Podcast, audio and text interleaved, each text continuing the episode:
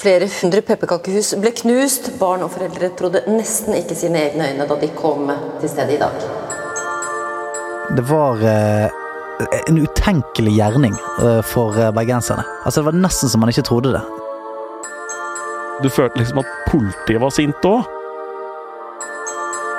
Nå er det også utløpt en dusør på 100 000 kroner for opplysninger som fører til at de som gjorde det, blir tatt. Bak dusøren står bl.a. tidligere ordfører i Bergen, Herman Friele. Pepperkakebyen er del av sjelen i Bergen. Det var litt sånn eh, Å ja. Det gikk helt til topps, dette her, liksom. Nå skal jeg fortelle deg om en sak som sjokkerte en hel by. Seint i november 2009 blei Bergen rysta av en svært uvanlig og oppsiktsvekkende kriminalsak.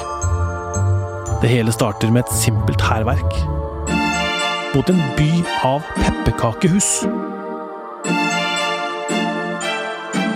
Saken vekker sinne. Pressen hiver seg på. Ordføreren engasjerer seg. Den pengesterke eliten går sammen. De gjør egne grep med mål om å ta de som gjorde det. En by av pepperkakehus som blir til smuler. Eller en fjær som blir til fem høns. Det får være opp til deg som lytter å vurdere. Saken om pepperkakebyen i Bergen er uansett en julekrim som starter en kjedereaksjon som går hele veien til New York og tilbake igjen, og inn på ordførerens kontor. Jeg heter Tor Erling Tømt Ruud, og du hører på en julespesial i fire deler.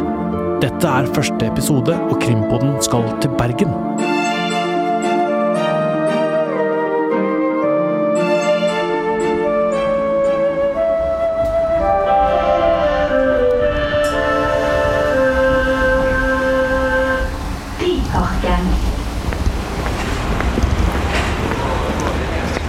Så det er her åstedet er. Ja, eller rett her oppe. Ja. Nå er vi på Ole Bulls plass. Her har vi Den blå steinen, DNS. Så Pepperkakebyen den lå vel det aktuelle året i 2009 i et telt på Torgallmenningen Ja. her oppe. Vi får gå bort der og se, da. La oss gjøre det. I Bergen møter jeg Kaspar Synnevåg, som hjelper meg å undersøke denne saken. Kaspar har jobba her som reporter i en årrekke, og dette er en sak han aldri har klart å legge helt bak seg. Ikke fordi den er den mest alvorlige saken rent juridisk, men fordi hærverket mot pepperkakehusene utløste en serie ganske merkelige hendelser, og fordi en bølge av sorg og sinne skulle få en hel by til å gå av skaftet, og fordi det fortsatt er mange ubesvarte spørsmål i denne saken. Nå er vi sammen på vei for å se på åstedet der denne historien starta. Hva kan du egentlig si om pepperkakebyen? Pepperkakebyen er en eh, utstilling av pepperkakehus som er hver jul, og på det meste er det opptil 2000 av de. Det er også en slags miniatyrversjon av Bergen. Folk legger masse tid og kjærlighet i utformingen, og lager nøyaktige små replikker av kjente bergenske og også internasjonale landemerker. Altså Du får nesten sånn juleoverdose når du går inn der, og lukten slår imot deg, og da blir det julestemning. Og ifølge Guinness rekordbok så er den faktisk verdens største. Verdens største pepperkakeby. Ja, verdens største pepperkakeby. Vi er midt i Bergen sentrum, omtrent der man går av flybussen eller ut av en taxi når man har flydd til byen. For dette er, dette er det store torvet, da. For hvis du går her, da, så dette er sånn typisk vei å gå hjem fra byen, da, ikke sant? Ja. Eller eh, hvis du har vært et annet sted i Bergen, så kan du gå rett over her. Så lå det vel eh, sikkert på utsida her. Vi skal tilbake til en novembernatt i 2009. Det er klassisk bergensvær. Ti grader og regn i lufta. Vi kan også regne med at Torgallmenningen, hjertet i Bergen sentrum, er full av glade mennesker på vei hjem fra julebord og andre festligheter. Midt på plassen, inni en teltlignende konstruksjon, står pepperkakebyen snart klar til åpning. Klementinene er modne, julebrusen ligger på kjøl, og tusenvis av barn sover forventningsfulle for adventstida, jula og alt som skal komme. Kaspar, hva var det som var spesielt med denne byen som ble bygga opp i 2009? Vi vet at de som hvert år lager pepperkakebyen, de jobbet på spreng for å få den ferdig.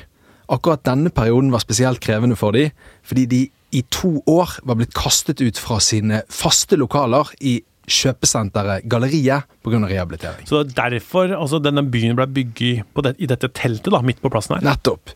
Byen eh, blir laget av pepperkakehus pyntet av barn fra hele byen, samt av profesjonelle pepperkakebakere. Og i november så blir alle disse husene levert. Og da er jobben å plassere de ut og bygge utstillingen i tide til åpningen.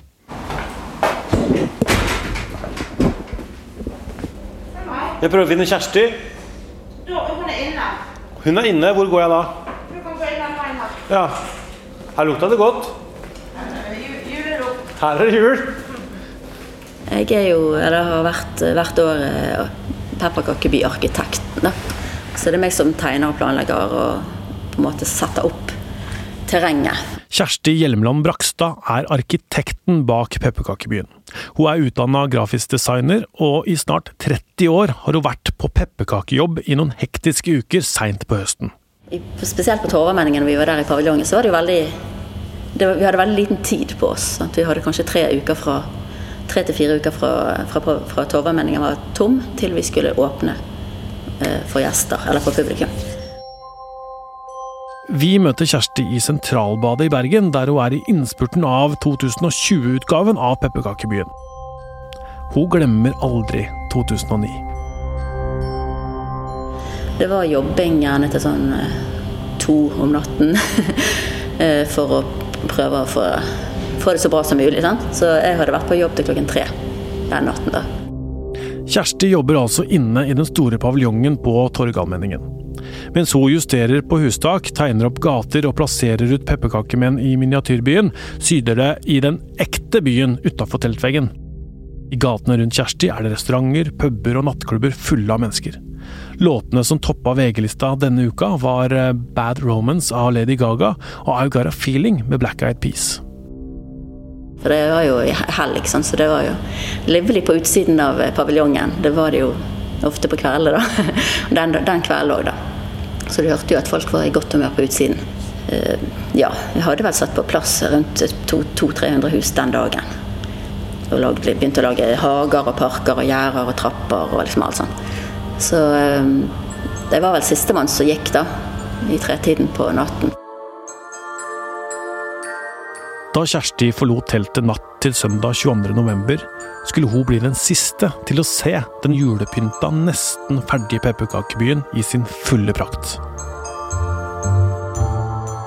Så jeg gikk hjem i tretiden, og så litt over syv så ringte telefonen, og da var, da var det Steinar som ringte og sa at du må komme ned, det er, nå er det Her er det skjedd litt. Også Steinar Kristoffersen har vært med fra starten. Vi er på vei til kontoret hans nå. Eh, I Bergen så er han kjent som selve pepperkakegeneralen, Kasper. Ja, vi kan egentlig nesten kalle han kongen av Bergen sentrum. Han er en som kjenner absolutt alle som har vært å kjenne i Bergen. Og så er han primus motor bak hele Pepperkakeby-prosjektet. Fantastisk eh, hus og utsikt, da.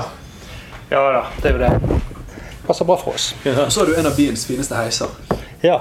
Med litt sånn svak aroma av sigar. Ja. Nede i tredje der er det jo sånn her eh, skap i veggene. Der man hadde sigarene og eh, konjakken sin. Altså kjøpmennene før i tiden. da. Ja. Yes, Men er det det vi skal snakke om? Nei. Men eh, Nei, det er ikke det vi er her for å snakke om. Vi skal tilbake til en novembermorgen i 2009. Nei, det var jo en uh, søndag morgen. Midt i den travleste pepperkaketiden, rett før vi skulle åpne. egentlig, Det var jo en uke før vi skulle åpne. egentlig dette skjedde. Og da var jo jeg tidlig oppe. Da er det mye jobbing. Og jeg var oppe i syvtiden en søndag, bare et par hundre meter fra der som denne paviljongen var på Torgallmenningen. da. Og på vei ned, og, og så, ringer, så, ringer, han tømreren meg, snekkeren som var eh, Han var tidlig på han på en søndag. Og så sier han at eh, Du eh, tror du må komme ned her. ja, jeg er på vei ned. Jeg søker da. Nei, her ser det ikke ut, sier han. Ja vel. Ok, jeg er på vei. Og så Jeg kunne liksom ikke tenke meg hva jeg så når jeg liksom kom inn der, da. Det som møtte Steinar i teltet midt i byen, og Kjersti da hun skulle komme litt seinere, det var et syn de aldri skulle glemme.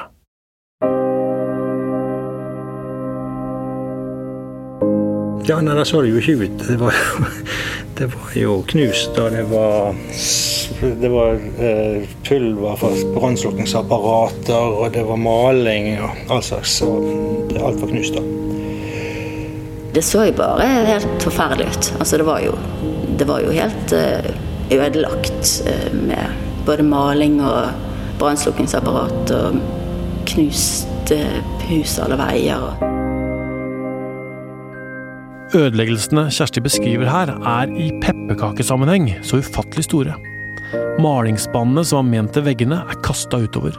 Utstillinga er tilgrisa av tjukk, svart maling. Gulvet er dekka med seig kakemasse. Seimen, melisglasur og Nonstop ligger strødd utover. Kakeversjonen av Brann stadion i smuler på gulvet. De forseggjort, danderte nonstoppene som skulle markere Fløibanen sine stoppesteder, tråkket ned under et bord. Verneverdige Bryggen i tusen biter. Kun et par landemerker sto igjen. Grieghallen og Rosenkrantztårnet. De overlevde. Det tok meg fem minutter å komme ned der, og så kommer jeg inn der, og så Hva gjør vi? Dette må dysses ned, tenker jeg. Jeg var for første. Dette, Hvordan da? Nei, dette må ingen få vite, liksom. Det er jo katastrofe sant, for alle ungene og, og, og sånn. Ikke så lett å skjule når det er midt på torvet og Nei, og det er pepperkakebyen. En måned til jul, og, og eh, Det Christoffersen sier han vurderte her, er jo i praksis en rein cover-up-operasjon. Eh, hadde en cover-up av noe så svært vært mulig? Altså, Hva tror vi lå bak den vurderinga? vi, vi kan forstå at han vurderte det, om enn bare i ett sekund. Pepperkakebyen er jo også en business. De selger billetter, og billettsalget det er til en viss grad styrt av forventningene publikum har. Men han vurderte det bare et øyeblikk, sier han. Ja, og det var nok riktig av ham å ikke prøve å holde dette skjult. Det er viktig å påpeke at dette nå gikk fra å være Christoffersens arbeidsplass til å bli et åsted. Vi vet jo også fra andre kriminalsaker at tukler du med bevis, selv om du selv ikke har begått handlingen, så gjør det deg til en mulig mistenkt. Og selv om Christoffersen er generalen, så er pepperkakebyen i Bergen også allemannseie. Folk måtte få vite om det. Å vite om det, det fikk de. De kommende timene skulle du ha hodet ganske godt begrava i sanda for å ikke få med deg hva som hadde skjedd natta i forveien.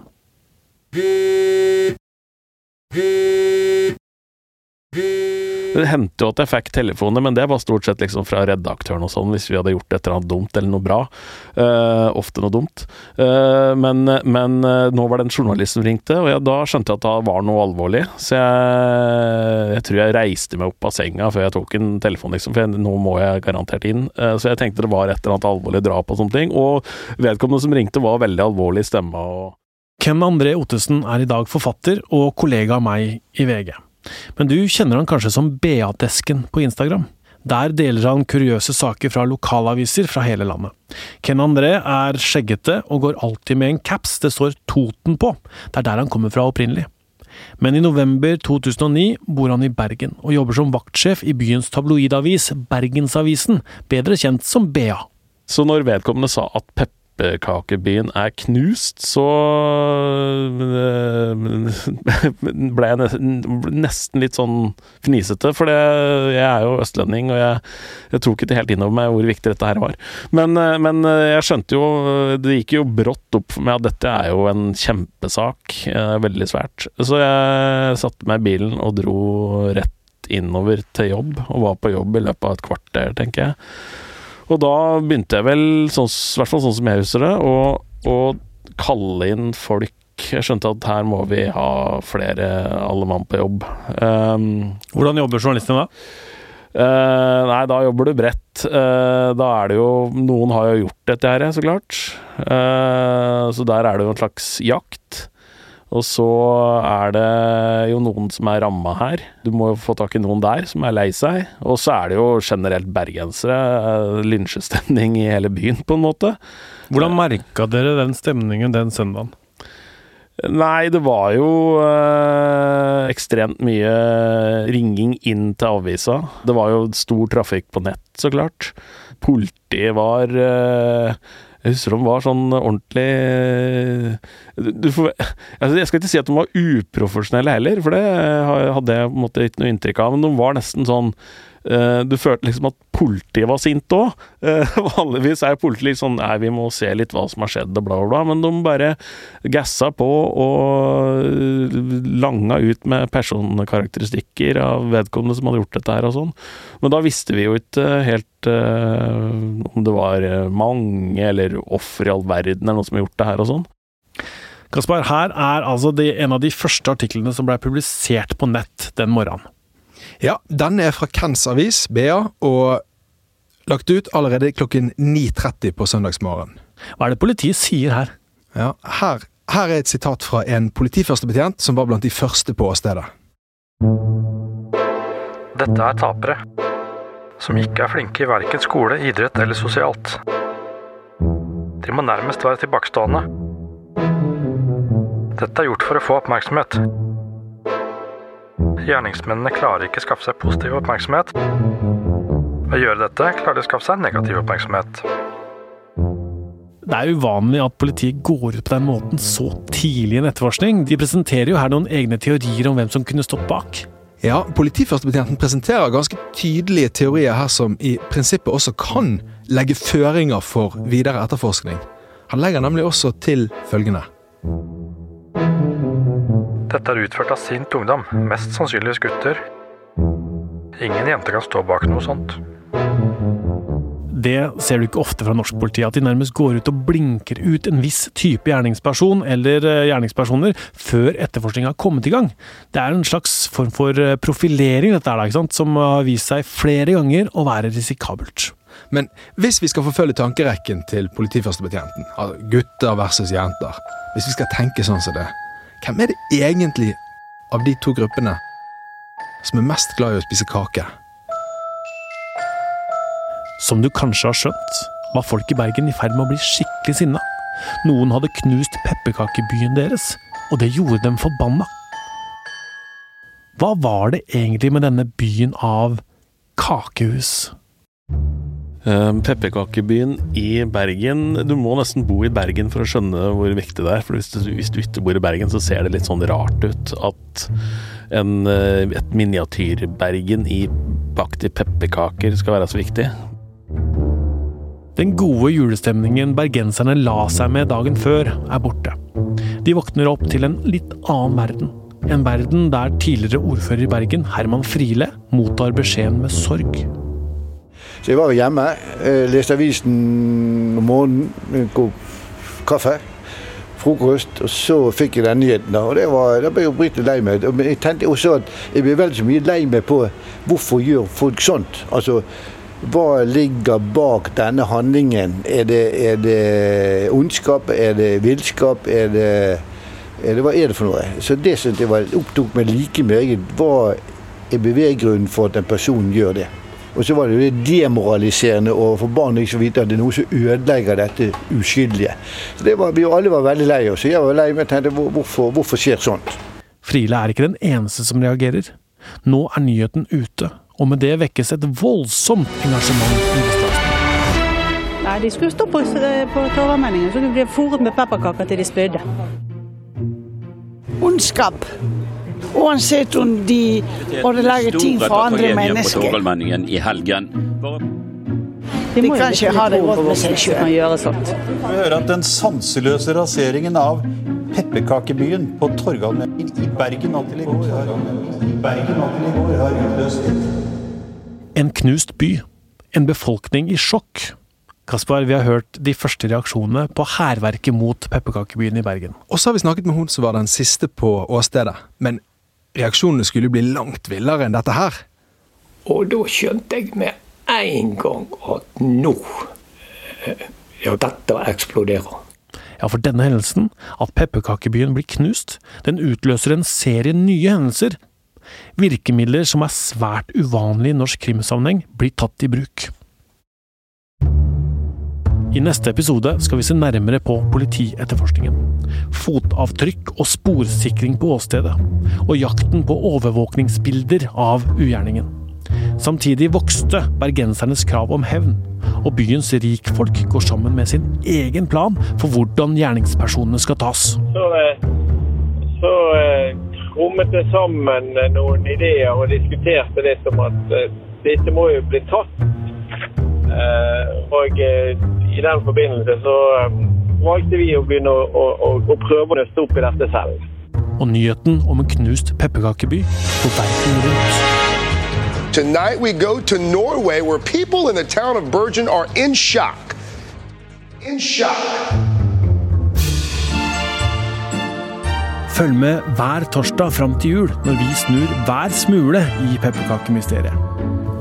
Julespesialen er produsert av VG i samarbeid med Kvitter Studio, og laga av Kaspar Synnevåg, Henrik Hylland Ulving, Ingvild Ørnholt, Synne Solbakken, Vilde Worren og meg, Tor Erling Tømt Ruud. Musikken er laga av Ronny Furuvik og Epidemic Sound. Magne Antonsen har det tekniske ansvaret. I denne episoden har vi spilt lydklipp fra Norgesklasse og Dagsnytt fra NRK Radio, Dagsrevyen på NRK TV, Bergens Tidende nett-TV og amerikanske NBC News.